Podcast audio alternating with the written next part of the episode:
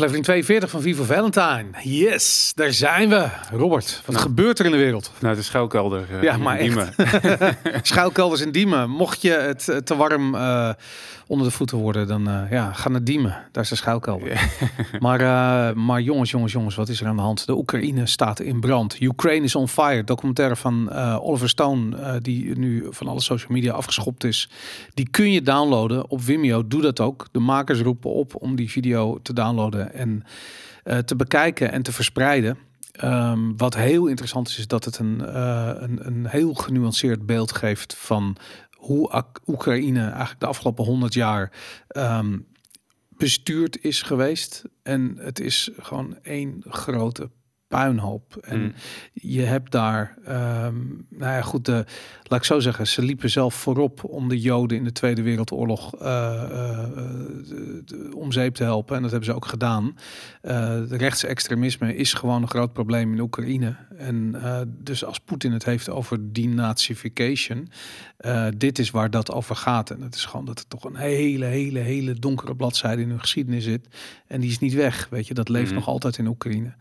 En ehm, ja, dat Ukraine on Fire laat eigenlijk zien hoe die, eh, die, die, die interne ehm, ja, conflicten die je daar in die bevolking hebt, weet je, pro-anti-Rusland, pro- eh, en anti-het Westen, hoe dat eh, en dat nationalisme wat je daar hebt, dat hoe dat eigenlijk gebruikt wordt, ook door vooral Amerika en de CIA, om Oekraïne naar de NAVO-kant te trekken. En ehm, ja, Hm. dat, dat heeft allemaal geleid tot de situatie waar we nu in zitten. Ik moet zeggen, ik, ik heb wel één ding wat me bekruipt, omdat nu we weer full force zeg maar, in, in het Oekraïne gaan eh, duiken, wat we ook zeker gaan doen.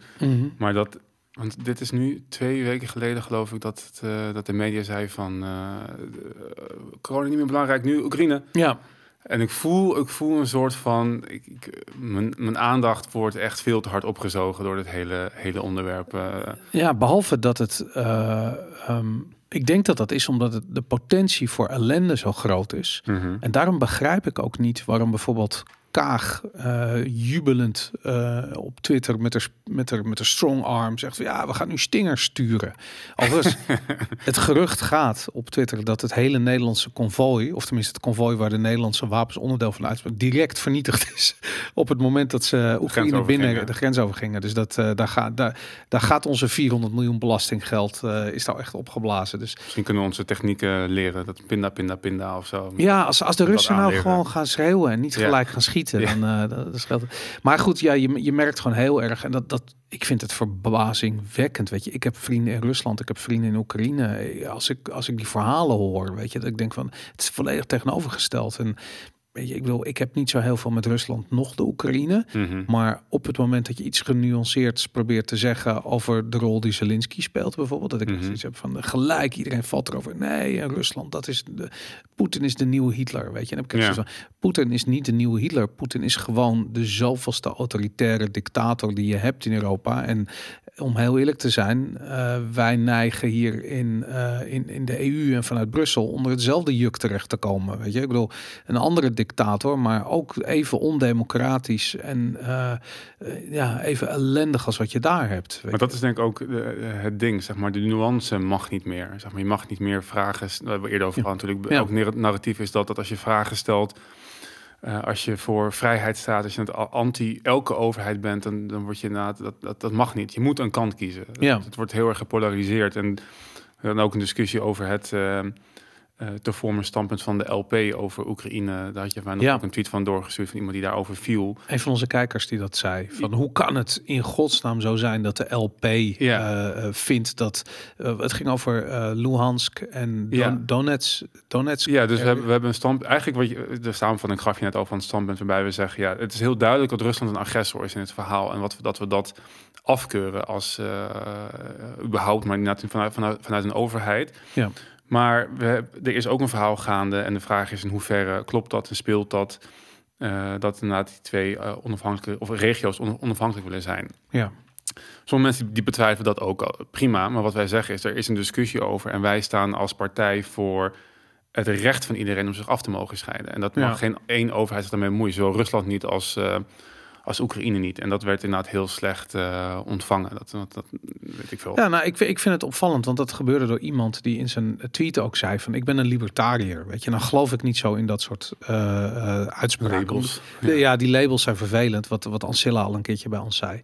Ehm, maar toch heb ik zoiets van, het is wel interessant dat dat non-agressiebeginsel, mm dat dat niet heel algemeen bekend is. Mhm. Dus het idee dat je dus, uh, ja, dat agressie gewoon niet toegestaan is, tenzij het gaat om de verdediging van je eigen bezit. Um, ja, lijf of goed. Lijf of goed, inderdaad. Mhm. Ja, ehm, ja, dat, dat, dat is nog niet helemaal ingedaald overal. En dat vind ik ook zo raar. Dat mensen zijn nu weet je, bij de bakker en op straat en overal zijn ze meningen aan het vormen over Rusland en wat we dan moeten doen. We moeten helemaal niks. Die shit is fucking ja. uh, eh, 12 uur rijden hier vandaan. ik, ik, wil niet heel veel zeggen, maar we moeten niks, weet je. En, dat, en het vervelende is, doordat iedereen denkt dat we iets moeten, zijn we nu in een situatie terechtgekomen dat uh, nou ja, Rusland is van SWIFT gegooid, weet je. Dus je ziet het, het bankaire systeem, dat is geweaponized. Daar hebben ze een wapen van gemaakt. En uh, dat is tegen Rusland gebruikt. Dus die kunnen nu niet niet meer, eh, of een aantal banken kunnen nu niet meer internationale uh, uh, handel drijven, of eigenlijk de internationale handel faciliteren door middel van het doen van de betaling en de settlements. Dat ging allemaal via het SWIFT-systeem, dat is een Amerikaans systeem, maar die gasten zitten in Brussel. En dat. Um, we hebben eigenlijk alleen in het verleden gezien dat bijvoorbeeld Iran is van SWIFT gegooid. Ik kan me voorstellen dat Noord-Korea standaard niet op SWIFT werd mhm. toegelaten. Maar goed, dat soort landen. Ja, maar Rusland is, uh, en dat is heel interessant, Rusland is gewoon een gigantisch land. En dan, weet je, ik hoor mensen zeggen in die discussie, ja, maar Rusland heeft maar uh, 2% van het wereldwijde bruto binnenlands product, uh, zijn ze verantwoordelijk voor. Maar ik snap het argument sowieso niet. Het is gewoon de achtste economie ter wereld. Het is gewoon echt geen klein, misschien niet de grootste, maar het is echt geen kleine economie. Maar weet je wat het is? Het is de achtste gemeten in in, in, geld. in Disney dollars. Weet je, dat is het. In de euro en de dollar.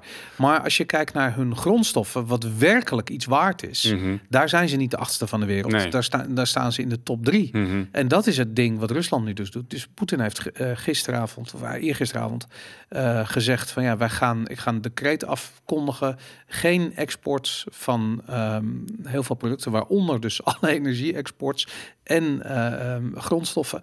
Die worden niet meer buiten de grenzen van de Russische Federatie uh, geëxporteerd. Nou, veel plezier jongens. en dan heb ik gewoon zoiets van ja, dat, dat hele stomme SWIFT-gezeik uh, uh, wat ze hebben gedaan. Daarbij hebben ze expres bepaalde banken buiten schot gelaten. Omdat die banken de betalingen van bijvoorbeeld Europees gas uh, faciliteerden. Ja, nu heeft Rusland gezegd van, oh, oh, je wil alleen, maar je wil wel dat nog. Nou, weet je wat, fuck you maar. En je gaat niet meer handel drijven met ons.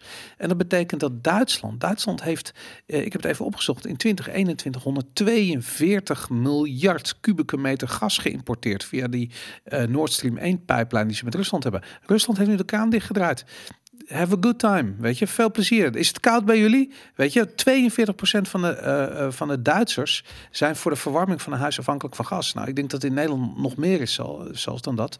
Uh, maar uh, wij hebben, of wij als ne Nederland heeft tenminste nog een van de grootste gasvelden van Europa. Dat is in Groningen. Ik bedoel, los van al het politieke gezeik en huizen die daar... Dicht, dichtgezet, ja. Precies, we hebben dat in ieder geval nog. Duitsland heeft dat niet. En Duitsland kan maar 6% van zijn eigen gasbehoefte, wat 100 miljard per jaar is, 100 miljard kubieke uh, meter per jaar, kunnen ze, uh, daar kunnen ze zelf in voorzien. Het is een groot probleem voor, voor Duitsland. Echt heel groot. Ja, volgens mij niet alleen voor Duitsland. Ik vind het echt bizar, want je zei het net voor de uitzending dat dat gebeurde. Dus ik meteen even zoeken van wat is überhaupt de export en de cijfers van, ja. van Rusland. Want Rusland inderdaad voor het overgrote deel inderdaad is het ofwel ruwe ofwel gerefineerde olie kolen, gas, dat is een beetje de, de top, uh, de top 5. Maar ook, uh, zij zijn volgens mij de allergrootste graanproducent ter wereld. Ja. Um, en kunstmest. Die twee, die twee zorgt dus eigenlijk voor de Europese voedselvoorziening. Ja. Nederland heeft een mestenoverschot, maar ik weet niet of dat ook geldt voor kunstmest. Dus... Nou, en de grap is dus, want dus als je kijkt naar de handelspartners van, uh, um, van Rusland, dus waar exporteren ze het meest naar? In, gewoon puur in, in, op een uh, aantallen, dan is nummer 1 China. Maar weet je wie nummer 2 is? Dat lijkt bij Duitsland. Nederland. Oh ja? Het is China, Nederland, de UK, dan pas Duitsland. Dus wij zijn echt flink te sjaak als, als, wij, geen, als wij niet meer de spullen uit vanuit Rusland krijgen. Dat is bizar. Wat exporteert, maar dan uh, olie en gas lijkt me. Want ik bedoel, of steenkool. Even kijken, van Nederland, uh, China die, die is 57 miljard. En Nederland is 44, bijna 45 miljard. En daarna komt pas Duitsland met 28 miljard. Aan dollars, dus in dollars? In, ja, dollars. Oké, nou ik ben heel benieuwd hoe, dat, uh, hoe die export is opgebouwd. Ik kan me wel voorstellen dat uh, bijvoorbeeld Rotterdam, uh, de haven, um, zorgt voor een bepaalde ja, export of doorvoer of iets dergelijks. Misschien dat dat wordt meegenomen, dat zou kunnen. Maar goed, um, je kent het gezegde. Ik weet niet of je weet wie het gedaan heeft. Maar eerst zijn er currency wars, dan zijn er trade wars. En daarna zijn er echte mm -hmm. wars, hot wars. Ken je dat? Nou, is dat, komt het niet uit de Economic Hitman? Of is het niet, die, die stelt dat volgens mij ook? Het zou kunnen. En anders is het een van die grote hedge fund managers. De Ray Dalio of zoiets die dat gezegd Maar goed, anyways. Dat soort gezegdes doen nu de ronde. Uh, op het moment dat goederen niet meer de grens over mogen... zullen het legers zijn die de grens overgaan. Ja. Dat is ook zo'n gezegde. Um, ja, als we hier daadwerkelijk te maken hebben met de voorbode van een ja, extensie van het conflict. Bijvoorbeeld omdat Polen en uh, Duitsland zo meteen uh, echt vergaan van de kou. Uh, als het niet snel lente wordt, als die temperaturen niet snel omhoog gaan, het probleem niet snel opgelost worden. Mm -hmm. Ja, dan kijk, er zijn voor nu nog wel wat voorraden natuurlijk overal. Weet je, iedereen heeft wel, wel energie um, voorraden. Um, maar ja, hoe, hoe dat eruit ziet precies. En hoe dat in de toekomst gaat werken, ik weet het niet. Gelukkig wordt het zomer, lente en zomer. En mm -hmm. is het niet zo heel koud. Maar ja, we gaan rare tijden tegemoet. Je had ook al een bericht ge, gepost van. Um, wie was het? Was het D66 die zei, of VVD en een van de verkiezingscampagne. Uh, um, oh, het was Rob Jette die dat uh, kabinet uh, heeft reclamecampagne ja. op de plank liggen voor het geval het gas opbraakt. Ja. Ik denk van we hebben geen fucking reclamecampagne nodig. We hebben gas nodig. Wat is dit nou weer? exemplarisch voor hoe de politiek en dat dingen oplossen. We gaan met wokeness campagnes. ja. Dat is ook wel weer in één keer moet iedereen dat energie gaan besparen. In, omdat uh, uh, Poetin, Poetin de schuld van uh, zowel de inflatie als het gasprobleem als het brood. Dat duurde, de brood is geloof ik twee keer zo duur geworden afgelopen, afgelopen maand. oh ja, Jesus Christ. Echt, echt is bizar. Maar goed, iedereen wijst nu met, met, met de vinger naar Rutte. Terwijl natuurlijk de, de nou goed, het is een rottend sluimerend probleem van uh, weet ik voor hoeveel jaren uh, ja, dat lang. Is het inflatieprobleem. Ja. En uh, corona heeft de schuld gekregen van, oratie, van, van, van, van die inflatie eerst. Van oh ja, de supply lines en niemand kan werken en weet ik veel. Nu is het Poetin, ja, want het gas en doordat het dat benzine duurder wordt, wordt alles duurder. Kijk, die benzine was al duurder aan het worden. Mm -hmm. Weet je, die inflatie zat er. Ik bedoel, er komt absoluut nog een soort van slag overheen door de onrust in Oekraïne of de oorlog in Oekraïne. Maar uh, dat wil niet zeggen dat die prijzen niet sowieso omhoog. Dat was al aan de hand. Ja. De, de, supermarkten waren ook wel duurder aan het worden. Ja, nu gaat het hard. En um, het vervelende is dat uh, ik heb het idee dat dit kabinet denkt uh, nog aan het roer te zitten van dit, ja. van deze ontwikkeling. -huh. En ja, de geschiedenis leert dat dat niet zo is. je kunt een piramidespel heel slecht afbouwen. Uh, er zijn letterlijk twee oplossingen voor dit probleem. En met dit probleem bedoel ik eigenlijk de geldcreatie. Uh, wat de ECB aan het doen is, is eigenlijk gewoon de, de schulden aan het opkopen. Uh, nu letterlijk direct Europese staatsobligaties, die worden opgekocht door de ECB. onder het mom van allerlei support- en opkoopprogramma's. En ja, met dat geld. Um, weet je, er gebeurt de meest bizarre shit. Het is corona-hulp waar, waarvoor Italianen hun huis aan het isoleren zijn. En weet ik allemaal dat soort Genderstudies. dingen. Genderstudies, inderdaad. Lesbian dance theory. Ja, ja. wordt inderdaad uh, gestudeerd overal. Maar dat idee dat je uh, dat vertrouwen wat je verloren hebt, dat je dat eventjes kunt herstellen. Dat heb ik ook met corona. En weet je, dat het feit dat het coronapaspoort nu weer wordt doorgezet, dat die, dat, dat die gasten in Den Haag niet zien dat dat vertrouwen niet meer terugkomt. Ja, maar toch verbaast me wel dat mensen, um, ook met Oekraïne nu, ook vanuit zeg maar onze hoek, dit, dit vergeten. Zeg maar. Ik heb het idee dat mensen nu wel een groter probleem zien en niet dezelfde mechanismes zien als we bij corona wel zagen. En kritisch zijn op het verhaal vanuit de media. Maar toch inderdaad, ja, ik zeg, ik heb boze appjes gekregen over hoezo is het je standpunt? Weet je, Rusland bad, superprobleem, je moet er Ja. iets mee doen. Ja. En ik, Voor ja, mensen die anders soort van bezig waren geen mondkapjes te dragen. Ja, en heel kritisch waren op wat allemaal gebeurde. Ik vind, Ja. dat, ik vind dat wel. Ik, ik, ik vind daar. um, Ik had mensen kritischer verwacht, zeg maar, in dat, eh, in, in dat verhaal. Ja, En ook wat jij net zegt, ik denk wel interessant is om te kijken van wat moet Nederland nu doen in het verhaal. ja, Eh, want het idee, het standpunt waar we net over hadden van de LP, dat gaat heel erg over neutraliteit. ja, Dat sowieso is dat dat standpunt vanuit, eh, vanuit de LP richting de wereld is veel handel drijven ja, met iedereen. Want als je handel drijft, dan ben je inderdaad wat je zegt minder geneigd om ergens bom op te gooien, want het kost je gewoon geld. Heel, Ja. heel cru gezegd. Eh, als, de, als de mensenlevens je dan niet boeien als overheid, dan boeit het geld je misschien je wel. Ehm, en inderdaad, een, een neutrale houding. Dus je, bent, je hebt het non-agressieprincipe. Je gaat niks sturen, in, niet mengen in een conflict waar jij geen onderdeel van bent. Dus Ja. misschien in Rusland is het heel vervelend. ja, Eh, maar je gaat als Nederland niet daar eh legers naartoe sturen. Wat wel een beetje ook lijkt te gebeuren. Je ziet, het is geen NATO-lid, maar toch zie je Ollongren zeggen van ja, we gaan. eh, ik verwacht dat we een beroep van de NAVO krijgen dat we troepen moeten gaan, eh, gaan leveren. Zo, zo'n Ah, heeft ze dat eh, gezegd? Ja.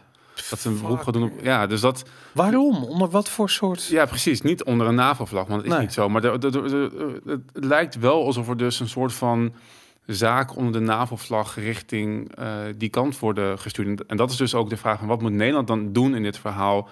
Ja, ik denk dat we onze handen er heel hard van moeten Ja. aftrekken. Ja, nou ja, en het, het, het stomme is dat je, eh, kijk, wij kunnen Europa niet redden vanuit Nederland. Nee. Weet je, ik kan me wel voorstellen dat als de gaskraan weer open gaat in Groningen, dat dat voor Duitsland in ieder geval een beetje een pleister op, op, de, op, de wond is. Goed, nou ja, dat zou kunnen.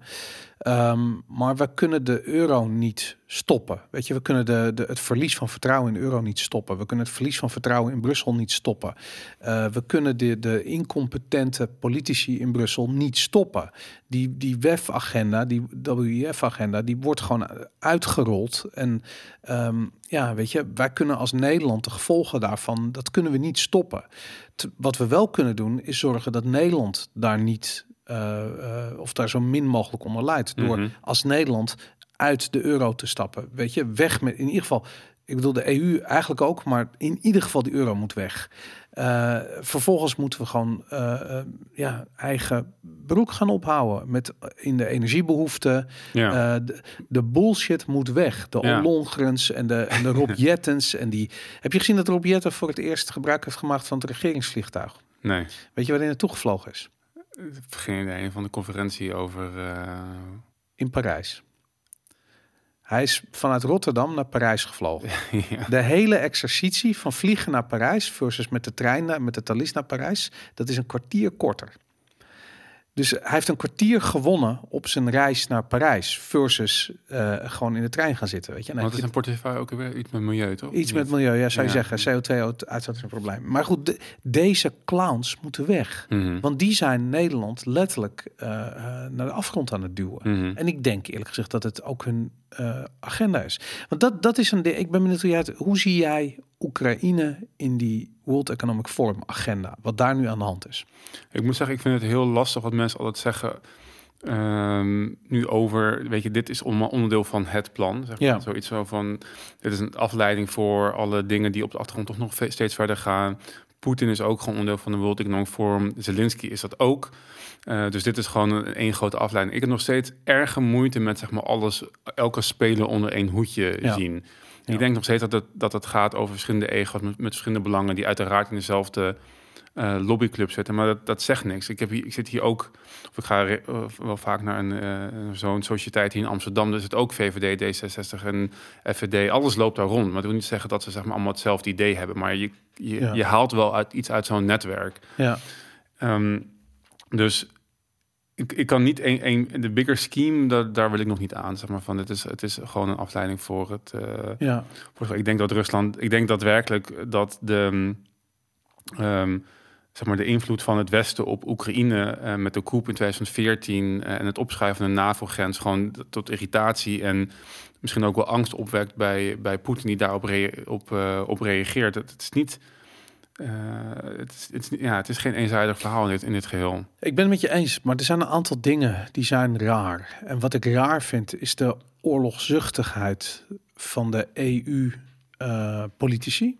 Weet je, ik begrijp niet waarom je als EU ehm, ja, zoveel hooi op je vork neemt als het gaat om de strijd tegen Oekraïne. Mhm. Waarom moet Nederland wapens sturen naar de Oekraïne? Mhm. Dat is echt raar, weet je. Dat is echt vreemd. We hebben niet een verdrag dat we wapens sturen naar de Oekraïne als er iets anders. EU heeft dat ook niet. Mhm. En ehm, we hebben dat ook niet gedaan in Kazachstan. We hebben dat niet gedaan in Georgië. We hebben dat niet gedaan in Tsjetsjenië. Weet je, ik bedoel, waarom doen we dat nu opeens in Mhm. Afghanistan? Kijk wat daar gebeurt. Want de, de gi- gigantische puinzooi we daar militair gezien hebben aangericht. Weet je? Mhm. En, dan, en dan, nee, nu gaan we Oekraïne gaan we het probleem oplossen door de Stinger-raketten naartoe te sturen. Weet je, het is, het Maar, is maar denk je niet dat er gewoon een... een, een ik, ik, ik, blijf steeds vaker zitten op dat grootheidswaanzin van onze, onze Ja. politici. Dat mensen echt daadwerkelijk denken dat een lidmaatschap van de EU...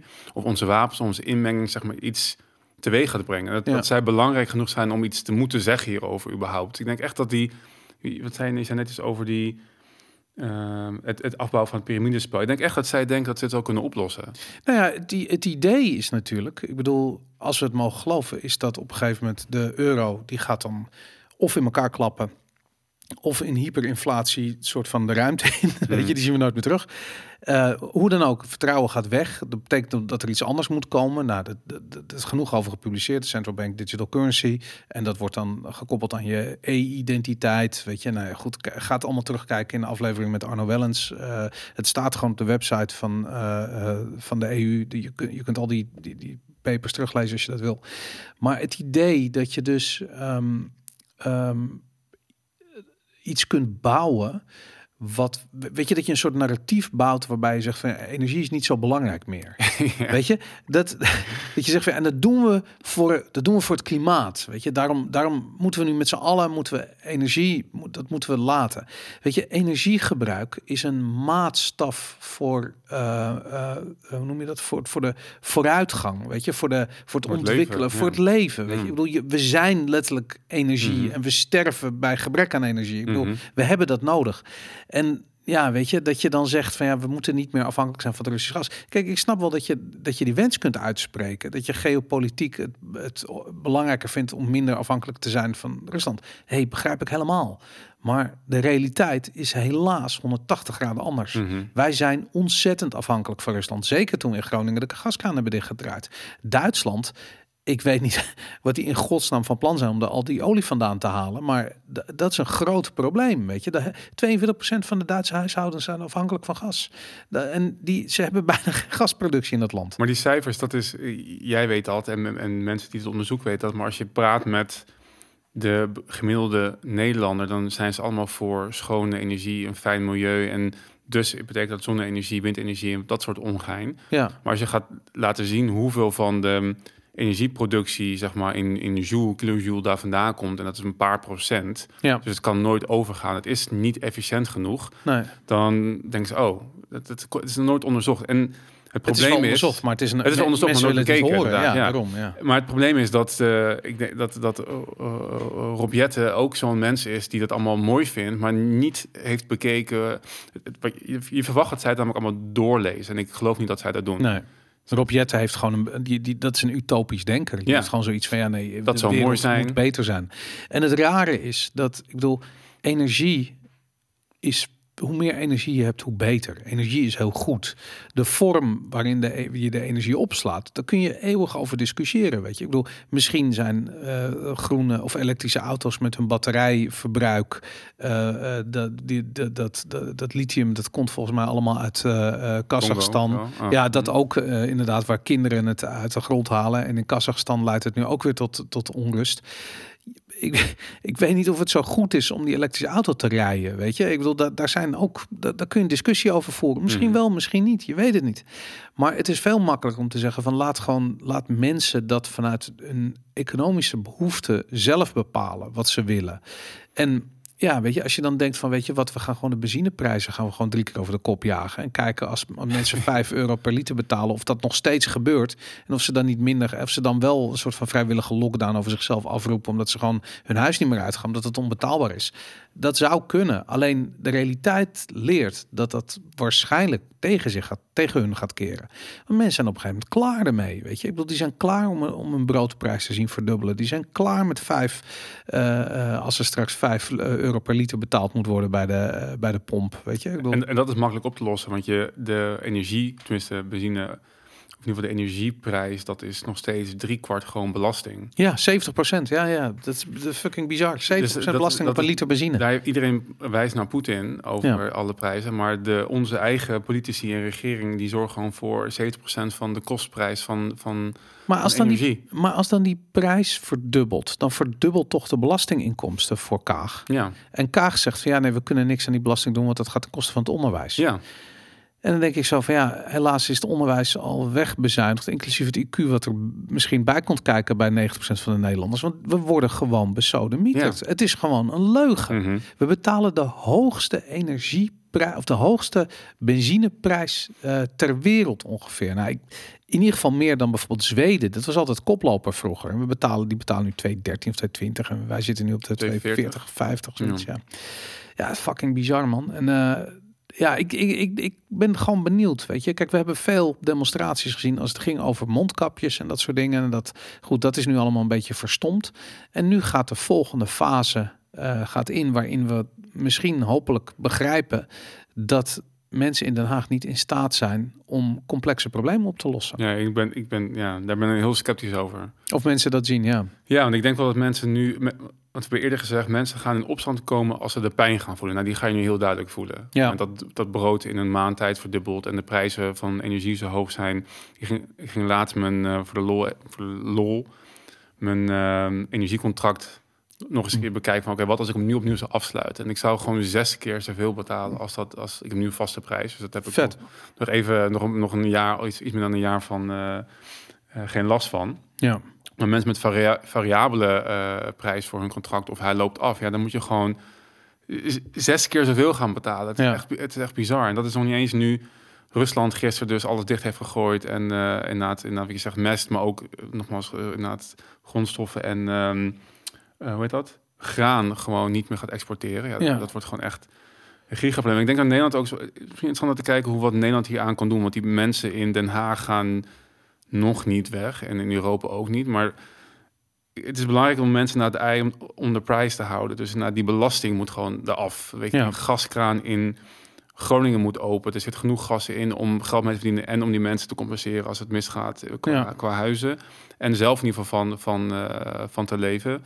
Eh, misschien moet ook een keertje weer kernenergie gaan overwegen. eh, als je het niet afhankelijk wil zijn van andere, andere landen in je energievoorziening. Maar, maar kern, kernenergie is onvermijdelijk. Dat is echt onvermijdelijk. Want als je, als je de, de klimaatdiscussie eh, meeneemt in het energieverhaal, ongeacht wat je ervan vindt, ehm, dan zal toch iedereen tot de conclusie komen dat kernenergie de schoonste oplossing is. En iedereen denkt aan Fukushima en, en Tsjernobyl en al die rampen die er geweest zijn.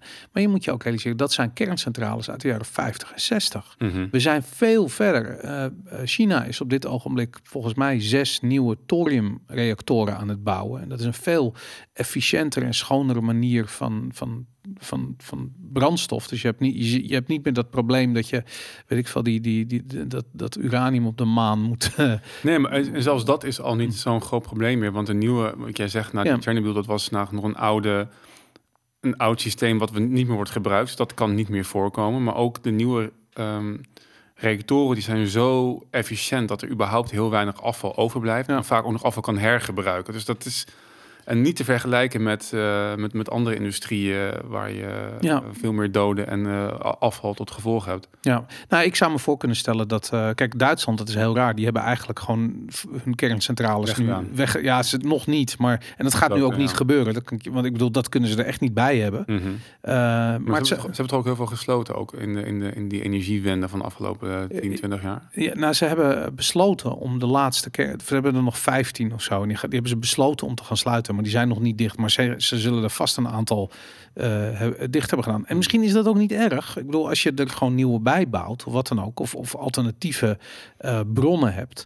Maar het probleem waar ze mee komen dan, en dat, dat, dat, dat is waarom ik zo'n ontzettende jeuk krijg van Rob dan komen ze met die, met die biomassa-centrales, weet je. En ik bedoel, ik heb bij mij in de buurt een bos gewoon gekapt zien worden om te verdwijnen in de biomassa-centrale. Ik bedoel, het feit dat je gewoon oerbossen uit Canada kapt, in een boot laat en die boot op diesel naar Europa laat varen, om vervolgens dat hout te gaan opstoken, dat is gewoon heel raar, weet je. Dat, ja, het slaat gewoon helemaal nergens op. En dat is het vervelende van die, van die politici.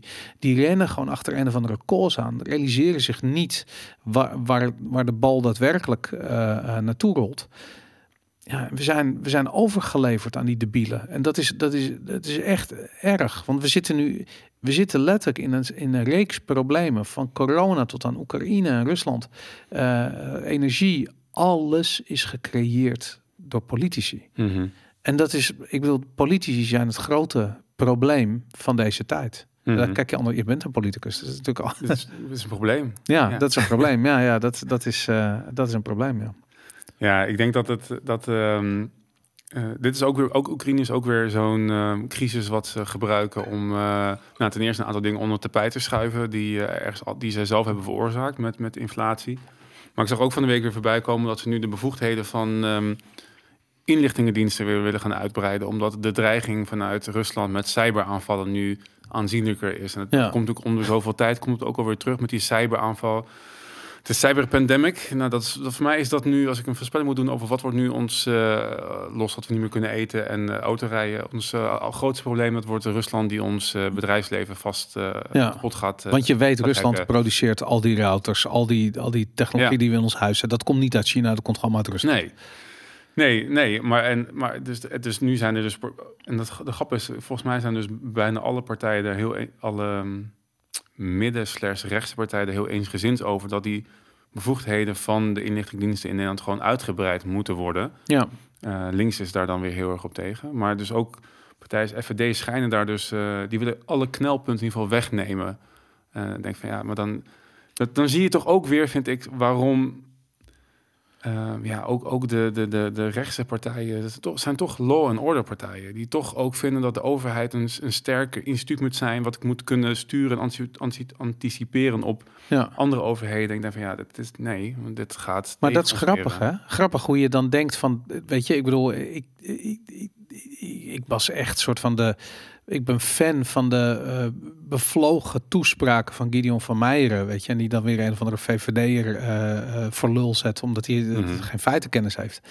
Maar inderdaad, als je dan zodra je een beetje uit dat hele corona-verhaal stapt en dat EU-verhaal, waar ik het mhm. heel erg met hun agendapunten eens ben, mhm. dan heb je zoiets van, oh kut, weet je, ja, nee, het is toch, ze denken toch, het blijven politieke partijen ja. die gewoon de staat als oplossing zien voor de problemen. Ja. En dan kiezen ze misschien een andere oplossing, maar dondert niet, want de staat is de oorzaak van alle problemen. Ja. En um, dat, dat is waarom het geen anarchisten zijn. En ik denk dat dat is waar, waar, waar ik van hoop dat de LP een, een soort van breekt met, met alle andere problemen. Want dat zijn geen van alle anarchisten. Mhm. En dat, dat woord is ook iets wat Nederlanders snappen niet dat een anarchist gewoon iemand is die het liefst een, een geen overheid wil. Die, mhm. wil geen, die, wil geen, die wil niet bestuurd worden. Die wil gewoon een soeverein vrij mens zijn.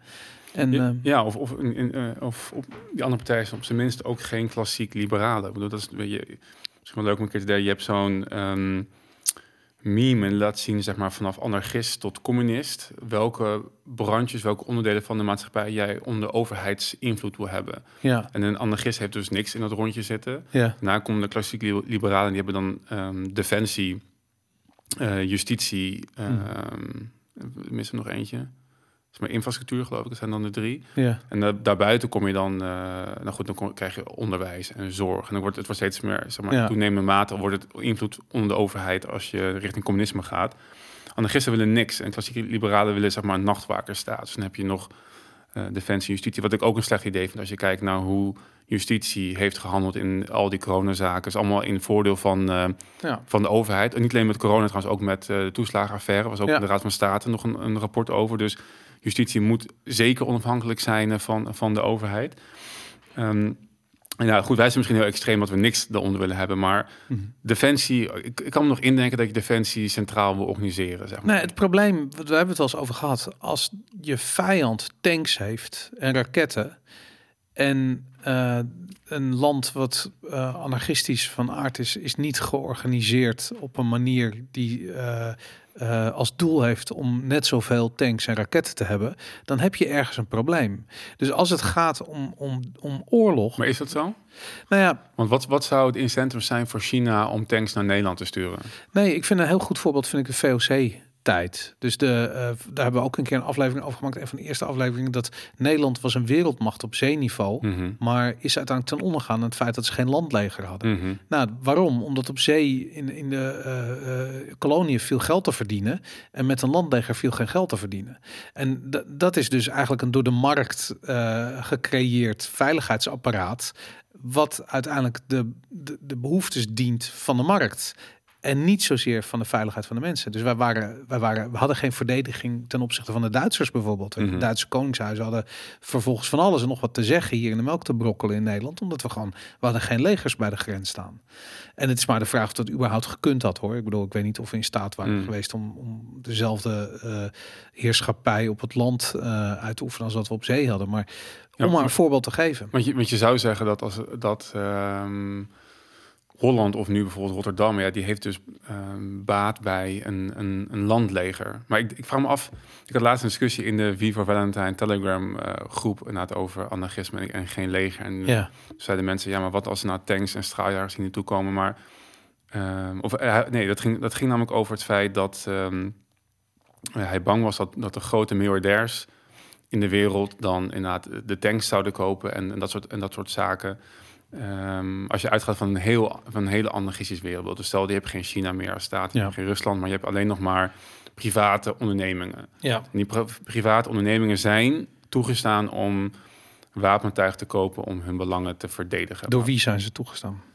Ja, nou goed, als je het echt... eh, Door de overheid die niet bestaat. nee, a- als je, als je het echt helemaal... Ze doen het gewoon. Ja, als je... Het is de recht van de sterkste. Ja, precies. Ik wil Ja. zeggen, als je echt gaat kijken naar hoe de wereld in elkaar steekt, dan is het gewoon een wet van de sterkste. Ik vond Ja. het mooi, toch wel een van mijn inspiraties om eh, ehm, ja, ook op politiek actief te worden en in ieder geval kritisch naar de maatschappij te kijken. Dat was eh Tupac. En die zei ook van, ja, het is it's all about gangs. En Ja. government is the biggest gang with the most guns, zeg maar. Ja. ehm, meer dan dat, dat, dan, dan dat is het niet. Er is niet een, een on, onverenbaar recht, eh, weet je, waar op het moment dat het wordt geprobeerd, dat God daar een, st- een stokje voor steekt, zeg maar. Ja. Dat is misschien je vrije wil. Dat is de enige Ja, waar je niet aan te komen is. Je hebt altijd, je gedachten zijn altijd vrij. Daar kan niemand iets aan, eh, aan, eh, aan doen, wel beïnvloeden, maar dat, die zijn altijd van jou. ja. Ehm, maar dus in, in, de, in de wet van de sterkste wereld zouden dus dan miljardairs volgens hem inderdaad alle wapentuig hebben en gaan eh, en dan misschien inderdaad ehm, doen wat Rusland nu doet in Oekraïne. ja. Zeg je maar, met welk economisch incentive zou je dat doen? Weet je hoe duur een tank is? Weet je hoe duur een, een, een straaljager is? Weet je, een tank kost 10 miljoen, geloof ik. En een anti-tankmijn is 30 dollar. Maar de, ik geloof wel dat ze die tanks willen hebben en de macht die erbij hoort. Maar ik maak me zorgen hoe ze dat terug gaan verdienen. Want dat worden namelijk wel verplichte vaccinaties zometeen voor iedereen. eh, want dat is hoe het terugverdiend wordt. Nou ja, dat is dus inderdaad bij een overheid zo. Maar, bij bedrijven kan het ook zo zijn. maar die, wat heb jij aan een verplichte vaccinatie voor jou? Voor wie? Omdat Pfizer gaat tanks kopen. Zodat ja, Vij- vij- maar ik, dat, precies. En ik denk dat die economische soms niet klopt. Op het moment, het is niet rendabel ja, om tanks te kopen, om een land in te sturen, om iedereen zeg maar, gevaccineerd te krijgen. Die kosten baten weegt niet tegen elkaar op. Maar nu eh, zou je kunnen zeggen, ze, ze, ze besteden dat werk uit aan overheden. Ja. Dus overheden zijn nu de tanks aan Ja, het ja. sturen die Ja, voor 100%. Pfizer. Ja. En dit, en dit is dus ook precies de discussie die elke keer krijgen. Waarom ik denk van ja, maar jongens, je ziet, ik, ik ben niet een pro, eh, ehm, zeg maar, corporaties en, en conglom, conglomeraten en dergelijke. Nee, ik ben pro weghalen van overheid, want dat is vaak het breekijs wat gebruikt wordt in deze situatie. Ja. En op het moment dat je geen overheid heeft, heeft Pfizer geen pressiemiddel meer. Maar moet dit, deze discussie niet gaan over centralisatie versus Ja, dat is decentralisatie? de discussie. Want ja. dat is het. Want eh, kijk, je hebt zoiets van wie nou ook de dominante gecentraliseerde partij is. Of dat nou een bedrijf is of dat dat nou een overheid is. De problemen die het voortbrengt zijn hetzelfde. Uh, het zijn namelijk de oplossingen voor hun problemen, niet oplossingen voor de problemen van het volk. Mhm. En dat zie je keer op keer, uh, ja, zie je dat terug. Maar heb je het over decentralisatie, een echte decentralisatie, dan, dan is het gewoon niet mogelijk om die macht bij één centrale partij te leggen. Mhm. De macht ligt dan altijd bij het volk. Maar goed, als dat niet over de hele wereld in één keer Ja. tegelijkertijd wordt uitgerold, ja, dan is het lastig. En wat het interessante nou is, van als je, als je geld neemt als, als belangrijkste eh, middel om, zo'n om die grote gecentraliseerde instellingen eh, voor elkaar te krijgen, vooral de geldcreatie. Die geldcreatie is wereldwijd aan elkaar verbonden. Weet je, zelfs de, de, de staatsschuld van China loopt bijna recht evenredig op met de staatsschuld van, eh, de, van Amerika, bij wijze van spreken. En je zou kunnen zeggen, ja, als al die munten tegelijkertijd klappen en ze allemaal een decentraal alternatief daarvoor krijgen tegelijkertijd, dan zou je een kans kunnen hebben dat je dus niet dat probleem hebt dat je dat de ene partij gewoon heel sterk is, omdat ze wel nog geldcreatie kunnen toepassen, terwijl de andere partij ja, in, in, in de chaos uh, vervallen is. Als het ware. Ik vraag me af of dat nodig is. Dat is inderdaad de discussie die ik ook, waar ik zelf nog wel vaak over nadenk. De oplossing voor mij is helder, maar wat als je die oplossing inderdaad alleen maar lokaal toepast in, in Nederland? Maar ik denk dat als Nederland een harde geldstandaard. Stel, Nederland gaat nu, stel we hebben wel goede mensen in Den Haag zitten en die zeggen, weet je wat, we, de euro, ja, mag jij weten als je, als je dat doet, maar wij gaan nu de gouden gulden introduceren. Ja gewoon al het goud wat we hebben, dat, daar zetten we een bepaalde hoeveelheid uh, fiat geld tegenover, tegen een vaste inwissel um, hoeveelheid. Um, of bitcoin natuurlijk, uh, uh -huh. weet je, dat is misschien makkelijker te meten, want het andere... Het is er al. Ik bedoel, dat andere, dan ga je weer vervallen in dezelfde problemen. Ja. En de, de vertrouwen is weg. Dus uh, ja, hoe dus, ga je dat vertrouwen terug Nou, dat is, dat is prima. Bitcoin, als er maar als Nederland nu kiest voor een harde geldstandaard, dan denk ik dat zij uiteindelijk uh, winnen op, op, op, op, op, op lange termijn. Zeg maar. Dus zij zijn degene die niet. Als ze nu daarvoor kiezen. Als ze nu daarvoor kiezen. Als ze ja. het eerder voor kiezen dan Duitsland en Frankrijk en Engeland, mm -hmm. dan zeker. Ja. Maar daarom, El Salvador neemt nu echt een gigantische voorsprong op de rest van de wereld. Mhm. Omdat ze al die harde geldstandaard hebben ingevoerd. En eigenlijk hun waardeloze. Uh, nou, ze, ze hebben geen eens een eigen currency. Ze hebben de dollar en de. Uh, en, en, en, en bitcoin dan. Maar zij kunnen hun belastinginkomsten uh, direct omzetten naar bitcoin Mhm. mm -hmm. tegen een redelijk gunstig tarief. Als die prijs heel erg omhoog gaat, dan hebben zij dus heel veel uh, bitcoin. Terwijl ja, Duitsland, die gaat dat waarschijnlijk als allerlaatste doen. Mm -hmm. Die gaat heel veel betalen voor een bitcoin. En ja, dan, dan kun je waarschijnlijk ook geen euro's meer omwisselen in bitcoin. Dan is bitcoin is een standaard geworden op dat ogenblik, als Duitsland een keer gaat. Mm -hmm. Dus dan heeft Elsa, hoe eerder je daar, daarin meegaat, hoe eerder je dat gaat doen, des te groter je voorsprong is. Ja, en ik denk dus dat Nederland, want die politie die blijven. Dus ik denk dat we een soort van focus moeten krijgen vanuit de, in ieder geval vanuit de mensen van waar kunnen wij al decentraliseren. Nou, inderdaad, dus naar bitcoin of ik vind, goud kopen en zilver, dat zijn ook gewoon goede oplossingen. Ja. Weet je, bitcoin, goud, zilver. Um, ik denk dat als je nou met het, met het leger, ja, terug naar zeg maar, de mentaliteit van tijdens de Eerste Wereldoorlog, gewoon die neutraliteitshouding uh, en ja. wel handel drijven met, met de rest van de wereld, maar geen, uh, maar geen oorlog. Ik denk dat Nederland als enig, daar ging het over, als enig zeg maar anarchistisch land juist heel goed kan gedijen. Ja. Wapen. Um, hoe zeg je dat, uh, uh, recht op wapenbezit bij de bevolking uh, ook weer een soort van normaal gemaakt, zoals in Zwitserland. In Duitsland is best ook nog wel groot. Um, want dat, nou, dan wordt het lastiger als Pfizer voor de deur staat met een, met een injectieapparaat of, of, of Ja. China toch de, de, de grens over wil komen. Dat zijn toch wel dingen die... Maar uiteindelijk is denk, zijn veel dingen gewoon uit een economische rekensom. Van wat, wat, wat zijn de kosten en de baten van een bepaalde actie? En op het moment dat je belastinggeld hebt, is bijna alles prima te, te doen. Ja. Dus daar moet je van af.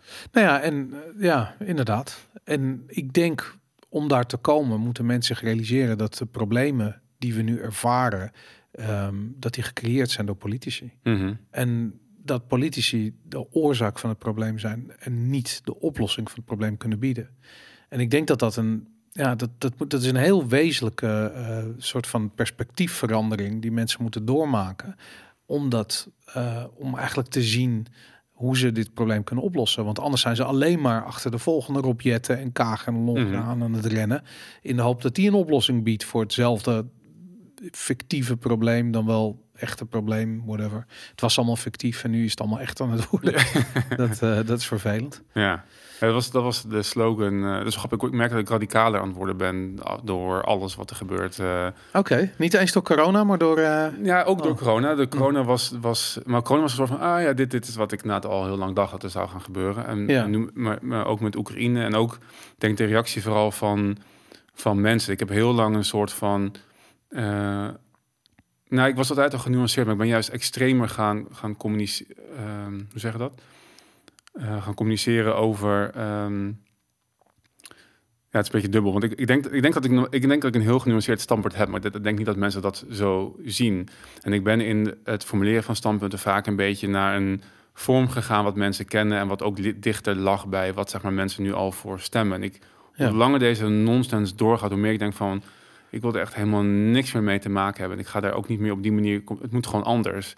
En ja, wat ik zeg, er zijn weinig mensen die inderdaad inzien dat de politiek het probleem is. De, waar ik heen wilde gaan, de LP had als slogan: de overheid is het probleem en niet de oplossing. ja, precies. En dat ze dachten, ja, maar dat is zo ver weg van mensen hun bed. En ja, jammer dan nu, zeg maar. Het is niet tijd voor, zeg maar, nuance in dit verhaal. Is Ja. het niet. Dit is gewoon wat het is. En dat moet je gewoon gaan begrijpen. Dat als jij de oplossing legt bij het instituut wat ook het probleem heeft veroorzaakt, dan gaan we er gewoon niet komen. Nee. En, nou ja, dat, en dat betekent dat, dat we, dat we na- op alle vlakken radicaal moeten des- decentraliseren. eh. Want- dat is interessant. Dat, de- het gaat verder dan de overheid. Het zijn alle instituten. ja, Weet je, het Kijk, is... bij, bij geloof heb ik het ook. Bij Ja. georganiseerd, gecentraliseerd geloof, dat is ook waar het probleem vanda- vandaan komt. Mensen die zelf thuis de Bijbel of weet ik veel wat eh, lezen, ja, dat is, daar heeft niemand last van. Dat is niet het probleem. Op Nee. het moment dat je het gaat centraliseren en er komt weer een machtsstructuur bij en de, de, de fysiologie, de structuur van de hersenen verandert door mensen omdat ze een soort van belangrijk gevonden worden, ja, dat is het probleem. Maar ook gewoon, maar ook de, de, de, normale alledaagse dingen. Weet je, als je kijkt naar onderwijs bijvoorbeeld. Ik denk dat wij in Nederland een groot probleem hebben met het onderwijsniveau. Weet je, en ik, ik, ik vind het echt grappig. Ik, laatst zei iemand dat tegen me van hoe bizar het is in Nederland. Dat we, we hebben een soort van cultuur in het onderwijs dat iedereen, alle, alle kinderen moeten gelijk. Weet je, we moeten allemaal een soort van bepaald niveau halen. En dan krijg je een diploma en een stempeltje en dan een oordeel van dit heb jij gehaald. Weet je. En daar hoort bij al heel snel dat kinderen die bijvoorbeeld eh, niet goed zijn in rekenen of een achterstand hebben in een of ander iets, dat die heel erg geholpen worden. Hoe krankzinnig dat is. Wat je juist wil doen, is je wil de kinderen helpen met de dingen waar ze goed in zijn, Mhm. niet waar ze slecht in zijn. Mhm. De dingen waar ze goed in zijn, zijn ze intrinsiek voor gemotiveerd. Het is zo belangrijk om eh, kinderen te helpen om krankzinnig goed te worden in de dingen waar ze normaal gesproken goed in zijn. Dat is veel belangrijker dan de dingen waar ze niet goed in zijn, die ze niet leuk vinden waarschijnlijk, om dat op een soort middelmatig niveau te krijgen. Want het eindresultaat is namelijk dat waar iedereen goed in is, dat, dat is verwaarloosd. En waar iedereen slecht in eh, is, dat is dan naar het midden toegetrokken. Met als resultaat dat we één grote eenheidsworst hebben gecreëerd. En dat is echt exact wat Balkenende bedoelde toen hij, zei, toen hij het over een zesjescultuur had. Dat is dat. Weet je? Mm. Ik bedoel, hij is er fucking zelf mede verantwoordelijk voor geweest dat we die zesjescultuur hebben gehad. Want het, wat heeft met onderwijs te maken. Omdat weet je, dat, dat, dat, dat eruit schieten in iets, dat dat niet gecultiveerd wordt, dat is bizar. Ja. Dat is echt raar. Ja, ik vind het heel mooi. Ik heb het, ik heb het echt, ik weet niet hoe lang geleden, een keer gehoord in een, ehm, een van een marketingcongres toen ik nog eh, eh, in de marketing werkte. Toen zei iemand ook van ja, als jij, je zou inderdaad de, de, eh, de, de achten zeg maar, op rapporten van kinderen zou je dat moeten toejuichen en moeten aanmoedigen. Zeg, dat is goed, ga daarmee verder. En die, Mhm. nou goed, die vijf, vier weken, dat, eh, dat komt wel goed. Maak je niet Ja. druk. We gaan, we gaan daarop focussen. En dat je ziet inderdaad, als je dat doet, dat Mhm. Inderdaad, die, nou goed, die achters of die zevens worden achters en negens. Ja, En die onvoldoendes worden ook gewoon voldoende. Het, het trekt mee om te focussen inderdaad op het, weet niet, op, op, op, op het kunnen en de intrinsieke motivatie. Maar misschien is het soms ook gewoon niet belangrijk. Weet je, ik bedoel, als jij heel erg goed in scheikunde bent, maar heel erg slecht in Frans, is dat nou werkelijk belangrijk? Ja. Weet je, ik bedoel, Mhm. ga een carrière als scheikundige tegemoet. Word, Mhm. word daar een fantastische onderzoeker, Mhm. weet je. En lekker belangrijk dat je Engels praat als je op vakantie bent in Frankrijk. Weet je, ik bedoel, Ja. dat is wat het is. Dat is het leven, toch? Iedereen heeft zijn kwaliteiten.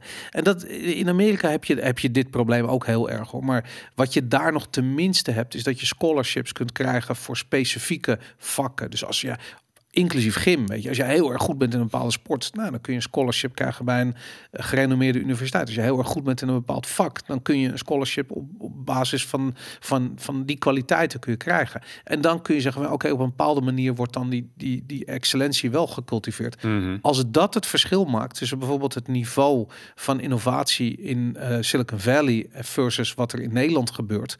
Want we hebben hier nauwelijks eh, sprake van. Wij zijn echt, wij zijn een supermarktland. Weet je, ik bedoel, als jij in Nederland een investering van 100 miljoen wil hebben, nou, dan moet je met een supermarktconcept komen. weet je, wat, dat is het enige wat die, wat, wat, wat het oud geld wat je in Nederland hebt, wat ze snappen. Weet je, voedsel en energie, that's Mm. it. En de rest van ja, nee, gebruikers en onboarding en zo, dat is toch allemaal ingewikkeld hoor. Weet je, dat. eh, en je hebt wel wat, wat hedge funds die daarover opscheppen dat ze dat doen, maar er zit zo bitter weinig geld vergeleken Amerika. Dat, er is gewoon geen beloning voor, voor excellente prestaties. Nee, volgens mij omdat de angst en de onzekerheid regeert, zeg maar. Of de angst voor middelmatigheid. Of de angst om niet eh, ergens voorop in te lopen. Iedereen moet maar gelijk zijn, weet je. Anders wordt ons minderwaardigheidscomplex weer getriggerd. En Ja, ja de, angst om achter te blijven. Ja. Zo van we laten geen kinderen eh, eh, slecht zijn in een bepaald vak, want ze mogen niet achterblijven. En Ja. het resultaat van dat beleid is dat ze niet excelleren Ja. op geen enkel vlak. En waar ben je dan bang voor? Dat is, dan blijven ze allemaal achter, Ja, toch? Dat ja, is dat. ve- vet, lekker fijn. Maar dit is, nou, dit is een prachtig voorbeeld van een, van, een, eh, van een instituut. Wat dus een oplossing probeert te bieden voor een probleem. En daarmee een probleem creëert. wat vele malen groter is dan het probleem. wat er in eerste instantie ontstond. En dat is. Ik, ik kan er gewoon niet bij dat dat in Nederland zo lastig is om mensen uit te leggen. dat die centralisatie van die instituten. dat het altijd een negatief effect heeft. Ja, maar omdat we zijn natuurlijk jaren gevormd door die middelmatigheidscultuur vanuit, eh, vanuit school. Weet je, de, Ja. balken en dus weet ik veel wat voor een leiders we hebben die dan eh, een, een, een, een, onderwijsbeleid eh, voor ons creëren. Omdat ze zelf na omdat ze zelf gewoon niet achter willen blijven. Ja. Balken was zelf gewoon een is en was een sulletje. En dat wil die gewoon niemand aandoen, zeg maar. Iedereen, Ja. moet, iedereen moet nu een sulletje zijn. Als iedereen gelijk, dan is, Ja. is niemand meer... en, misschien, ja, weet je, ik, ik, ik, weet niet wie er verantwoordelijk is in het verleden geweest is voor, dat, voor, dat, voor die hele onderwijscultuur. Ik heb begrepen ooit dat de PvdA daar een grote rol in heeft gespeeld. Maar ik weet het niet. Maar het, ehm, eh, het is een goed voorbeeld. En je ziet hetzelfde. Je ziet het in de farmaceutische industrie. Die ook niet eigenlijk een oplossing aan het bieden zijn voor veel eh, gezondheidsproblemen. Die over het algemeen nu door leefstijl, eh, leefstijl eh, gecreëerd worden. Ehm, met als resultaat meer ehm, ziektes die te maken hebben met verkeerd medicijngebruik. Dat is volgens mij in Amerika de nummer één of nummer twee doodsoorzaak. Mm, Weet je, dat is insane als Mm. je realiseert dat de farmaceutische industrie verantwoordelijk is voor de meeste doden in het ziekenhuis. Ja, weird. Weet je, ik bedoel, dat is dat, die centralisatie is het probleem. mhm. Ja. Wij moeten daar eh, nog een aantal afleveringen over uit eh, Ja, laten we de, de, de diepte ingaan. Ja, absoluut. Laten we het over Siewert van Liende hebben. Ons grote vriend Siewertje. Hij is eh, opgepakt vanwege de mondkapjesdeel. Inmiddels alweer vrij. eh, ja, oh, dat maar, heb ik niet gehoord nog. ja, hij heeft twee dagen vastgezeten of zoiets. Ja. Maar dit is wat je krijgt als je eh, tegen ehm, de verkeerde schenen strapt in Den Haag. Dan krijg je het Fiat op je dak. Mhm. En dat hebben we gezien met ehm, Jan de Bouvry, volgens mij. Hij leeft niet meer. Maar die, ik dacht dat hij ook door de Fiat bezocht was. En dan hadden ze ergens een verkeerd factuurtje in zijn boekhouding gevonden. Heeft ook twee of drie dagen in de bak gezeten. En nou, hij voelde zich, hij was helemaal, ik bedoel, die man was helemaal niet in staat om daar tegen te kunnen. Tegen wat daar gebeurde. Ik weet niet of Sievert wat sterker in zijn schoenen staat. Maar eh, ja, je, je, dit, is, eh, dit is lastig hoor. En eh, ehm, ik, ik zie het somber in voor, eh voor Sievert. Wat denk je dat er... is hij schuldig? En waar is hij Ja. precies schuldig aan? Ja, eh, hij heeft, uh, hij geld verdiend met, uh, met mondkappers aan het ministerie verkopen. Ja, maar wat was... Hij heeft geprofiteerd van een Ja, dat was dat. Kijk, ja, maar dat, nee, volgens mij is het niet eens dat laatste. Het is vooral hij heeft geprofiteerd, zeg maar, wat in de end gewoon niet meer mag. Maar je mag niet profiteren. Alles moet voor niks. Maar uh, onze grote vriend Hugo de Jonge is maar liefst 2 miljard kwijtgeraakt. ja. En daar gaat dan 10 miljoen van naar Sievert. En Sievert is het soort van, die wordt de kop van Jut. Dat wordt mhm. de uh, personificatie van uh, gebruik maken van of, of verdienen, profiteren van een crisissituatie. Maar er zijn nog, waar is die andere 2 miljard? Ja. Die heeft daarvan geprofiteerd. En het was nu wel shady, want hij heeft natuurlijk een stichting opge, uh, opgericht en daar zonder winstoogmerk dus. En, en, dat, en dan via die BV-stichtingconstructie heeft hij dan weer geld kunnen verdienen en ja. wel doen voorkomen alsof hij het helemaal allemaal voor niks deed. Dus ja. ja. Maar ik vraag me af of daar. Dat is trouwens, ik bedoel, dat liegen wat hij gedaan heeft daarmee, daarvan heb ik zoiets van ja. Dat, ja. dat daarmee heb je, ben je grenzen overgegaan. Ja, precies. Die uh, ja, de, samenleving recht geeft op uh, genoegdoening. Maar van me af of dat meteen inderdaad zo'n uh, zo'n gevangenisstraf en oppakken. Ik weet niet. Het voelt inderdaad. Volgens mij is dat standaard procedure. Ze gooien gewoon twee dagen de bak in, zodat je niet uh, iedereen kan bellen en al je uh, multimappen in de, in de, op haard kunt gooien. Ja. Volgens mij is dat wat ze. Ik weet het niet. Ja, ja dat zou kunnen. Ja, ik weet het niet. Ik denk, uh, ik denk nou dat het. Hij, hij, moet inderdaad wel een straf krijgen, maar. Ik merk ook dat ik denk van ja, heel erg uh, boeiend vind ik het niet. nou, ik, wat, wat, ik heel erg heb, weet je, ik bedoel, ik heb uh, bitter weinig sympathie voor Siewert van Linden, maar um, ik heb nog minder sympathie voor bijvoorbeeld Marion Koopmans. Ja, precies. Ja. Die ook gewoon geld verdient aan de PCR-test. En uh, wat dacht je van Ab Osterhaus met zijn aandelen in de farmaceutische industrie en patenten, die gewoon aan het verdienen is geweest hier. En dan heb ik gewoon zoiets van, ja, dat zijn de mensen die gewoon olie op het vuur hebben gegooid en gezegd van, van ah, het is allemaal erg, we gaan allemaal dood en het is allemaal levensgevaarlijk en iedereen moet nu zijn adem inhouden en uh, vreselijk. En aan de achterkant hebben ze gewoon, zijn ze villa's aan een jacht aan het kopen, weet je. En dan, dan denk ik gewoon van, ja, dat is, als je het over profiteren hebt, dat is dat. Ze creëren de crisis zelf en gaan er met het geld vandoor. Er is 2 miljard weg. Waar is dat geld gebleven? Mhm. Ja, of, of foutje in Amerika. Weet je, best betaalde ambtenaar van, uh, ja. van het land. Maar dat is tenminste nog transparant. Ik bedoel, die 2 miljard, dat is niet transparant. Die is gewoon pleiten. Nee, maar ik denk ook niet. Maar het is, ik van me af of, het, uh, of er mensen aan. Ja, hebben mensen sowieso aan nou, verdiend. Ja, ik weet het niet. Ik weet de overheid is, uh, het 2 miljard is nog, uh, is, is, is bijna nog klein op alles wat we door de heen jassen de hele, de, hele jaar door. Ja. het is een week tanken, denk ik. ja, precies. Ja. Machine-inkomsten voor ze. Dus. Vijf brood. Daarom inderdaad, ja, dat maakt niet uit. Ja, nee, inderdaad. Nou goed, uh, Siewert van Linde, succes kerel. Met, uh, met, met je hier uit deze shit show uh, redden, wat je hier gedaan hebt. Dus ik vind het ook wel interessant, want volgens mij had hij nog twee zakenpartners. En die zijn is ook opgepakt, toch? Ja, is dat zo? Oké, oh, oké, oké. Maar omdat het heel erg omdat Siewert van Linde zo bij, de, bij al die talkshows zat, ja, heeft hij dus nu, um, ja, dat is. Um, hadden we nog iets anders? Even kijken, Oekraïne. Ehm, volgens mij waren er wel. Volgens mij wel, ja. Ja, misschien, ja. Nou, goed, wat ik ook wel weer interessant vond, is dat uh, het kabinet gaat weer in crisisstand. Oké. Dus dat was, uh, dat hebben we met corona gezien, uh, dat was ook een, een, een, ja, om snelle besluitvorming mogelijk te maken. Maar nu dus met, met Oekraïne ook weer. Er zijn een aantal momenten dat dat, dat, dat gebeurt. En ik, ja, ja, de ene crisis wordt opgevolgd door de andere crisis. Ja. ja. Dus tijdens MA17 was dat dus ook het geval. Was ook een uh, Haagse crisisstructuur opgetuigd. Uh, de, mhm. trein, tram, de tramaanslag in Utrecht, de orkaan Irma. En tijdens de coronapandemie en nu dus ook weer tijdens het Oekraïne-conflict. Uh, Oké, maar goed, ze moeten zichzelf blijkbaar ook gewoon bezighouden. Dat, ja, dat, moet wel belangrijk blijven. In ieder geval belangrijk voelen. En ja. Dat is, af en toe een persconferentie tegenaan, dan hebben ze dat ook weer. Ja, nou goed, ik, uh, ik wens je veel succes met de volgende crisis. En, uh, ik ben trouwens wel benieuwd, want we hebben natuurlijk binnenkort uh, gemeenteraadsverkiezingen. En ik hoor iedereen om me heen van ja, die maatregelen, die, daar wordt nu ook over gesproken om dat nu helemaal af te schaffen. Ze zijn nog niet helemaal weg natuurlijk, wel mm bijna. De noodwet die blijft ook nog doorlopen. Maar wat gaat er gebeuren na 16 maart? Zeg maar? Ja. Is, is er dan is het e-, echt af of komen er weer dingen uh, terug? Nou ja, kijk, de volgende verkiezingen staan dan ook alweer anderhalf jaar later uh, op het programma, of twee jaar later op het programma. Dus mm. misschien is dat niet veel tijd. Ik, ik zou me voor kunnen stellen dat er misschien nog wel een corona-opleving komt. Maar ik denk eigenlijk het doel is, is niet het is niet die vaccinatietoestand. Het is niet corona. Het is niet iedereen thuis houden. Het, het speelt zich af op een ander, um, ander niveau. En ik denk ook dat de angstfactor nu weg is. En dat gaat niet zo snel meer terugkomen, hoop ik. Tenzij er een nieuwe variant... Ja, misschien komen ze ook alweer met een variant. Maar denk je dat iedereen thuis houden niet een van de onderdelen is?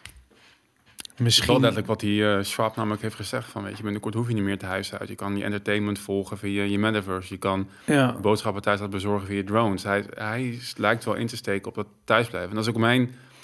Ik werk nog, uh, nog een uh, aantal dagen, nog, nog, korte tijd voor de gemeente. Daar op kantoor. Ik zit, daar zit ik op kantoor sinds kort. Er is echt helemaal niemand. Nee, nee ik denk ook dat... Maar ik denk, ik zie wel veel bedrijven die wel weer helemaal zoiets hebben van... Nee, thuiswerken is nu klaar. Hmm. En iedereen moet weer naar kantoor komen. En ik, ik heb zoiets van, ik vind, dat, ik vind dat mensen dat zelf moeten bepalen. Als ja. ze de output en het resultaat er is, waarom zou je ze in godsnaam dwingen om uh, in de auto te stappen? Ja, het is dat, een afspraak tussen jou en je werkgever. Ja, precies. Ja. Dus wat dat betreft, um, nou, ik weet het niet. Dat, uh, ik, ja, ik denk eerlijk gezegd dat we weer uh, verrast gaan worden door de volgende serie maatregelen. En ik ben bang dat door corona politici ook aangeleerd is dat het nemen van onpopulaire maatregelen blijkbaar een vorm van van, van regeren is. Ja. Dat dat kan, dat dat werkt. En uh, sterker nog, dat mensen dat ook willen. Want dat was gedurende corona ook echt het geval. Mensen wilden dat. En dat is het probleem. En dus met andere woorden, daar zie je weer van het, het, het echte probleem. Het begint en het eindigt altijd bij mensen zelf. Mhm. Als wij als Nederlanders niet samenkomen en zeggen van dit is wat we verwachten van een overheid, dan gaat die overheid zijn eigen ding doen. En wordt gekaapt door allerlei andere partijen en spelen verschillende belangen. En ja, uiteindelijk gaat het om geld. En ik word er ontzettend ellendig van als ik erover nadenk. Dat we dat hele traject in moeten gaan waarbij het eerst nog veel slechter gaat worden voordat mensen allemaal wakker worden. Het had nu al zo ver moeten zijn dat 50, 60, 70 procent van de Nederlanders zich realiseerden dat die overheid niets heeft toegevoegd aan die coronacrisis. Echt niets. Vergelijk onze cijfers met die van Zweden. Weet je, het is echt serieus. Nederland, het Nederlandse beleid heeft geen enkel effect gehad. En dat, um, ja, mensen, mensen willen dat ook gewoon niet zien. Nee, maar ik denk wel dat los van dat het slecht gaat worden, wat ik, wel, wat ik blijf herhalen, en ik blijf er discussie over voeren, over dat je ondanks alles gewoon je eigen leven moet blijven leven. Het gaat ook uiteindelijk om persoonlijk leiderschap. Volgens mij is dat een beetje het thema waar we... Persoonlijke verantwoordelijkheid was dat. Ja, nee, maar ja, persoonlijke verantwoordelijkheid, maar persoonlijk leiderschap. In ieder geval verantwoordelijk voor jezelf nemen en, en, um, en daar juist op acteren. Uh, en ik denk dat inderdaad gewoon je leven zo goed en zo, nou, gewoon je leven gewoon goed inrichten. Dat kan namelijk gewoon. Je kan gewoon je leven goed inrichten. Je kan jezelf indekken. Als jij bitcoin en goud en zilver koopt, dan, dan is de inflatie, ben jij daar minder En een moestuin. En, en een moestuin. En, en een koe ja. en kippen en, een varken, en, weet ik en, je, en je emotionele toestand, want dat is ook iets wat uh, blijkt uit cijfers dat niet, niet zo goed gaat. Dan ben je ook niet vatbaar meer voor de voor toekomstige ongein. Ik denk dat we daar nou, laten we beginnen met, met de kijkers, de mensen uh, in, in, de, in, de, in de Telegram groep van Viva Valentine uh, en dat langzaam zo uitbreiden. En ik word er wel heel, ik word altijd wel positief van. Ik ben positiever, denk ik, afgelopen twee, of zeker afgelopen jaar uh, geweest. Um, door het netwerk van mensen die hetzelfde denken, wat gewoon aanzwelt. Ja. En die actie ondernemen om, om iets neer te zetten waardoor zij niet geraakt worden door alle ongein van buitenaf. En dan maar afwachten tot de rest van de bevolking ook meekomt. Dus kunnen wij vast, we hebben ons reddingsbootje al uh, opgetuigd. Nou ja, we hebben in ieder geval uh, een poging gewacht. En dan gaan we ook gewoon mee door met um, proberen die boodschap uit te dragen. En dat uh, ik, ik, ik, word heel blij van het feit dat mensen daar steun ja. in vinden mm -hmm. en uithalen. En nu, nu de corona-ellende voorbij is, is dat misschien niet meer zo extreem actueel. Maar de volgende shitshow staat alweer, uh, wordt alweer opgetuigd. Daar, uh, uh, ja, ik denk dat we dan inderdaad elkaar weer nodig zullen hebben. En ook echt praktisch deze keer, want voedsel en energie wordt onbetaalbaar. En dat, ja, hoe gaan we daardoor heen komen? Ik heb geen idee. Ja, lastig. Ja, met elkaar. Met elkaar inderdaad, ja. Top. Dit was Vivo Valentine.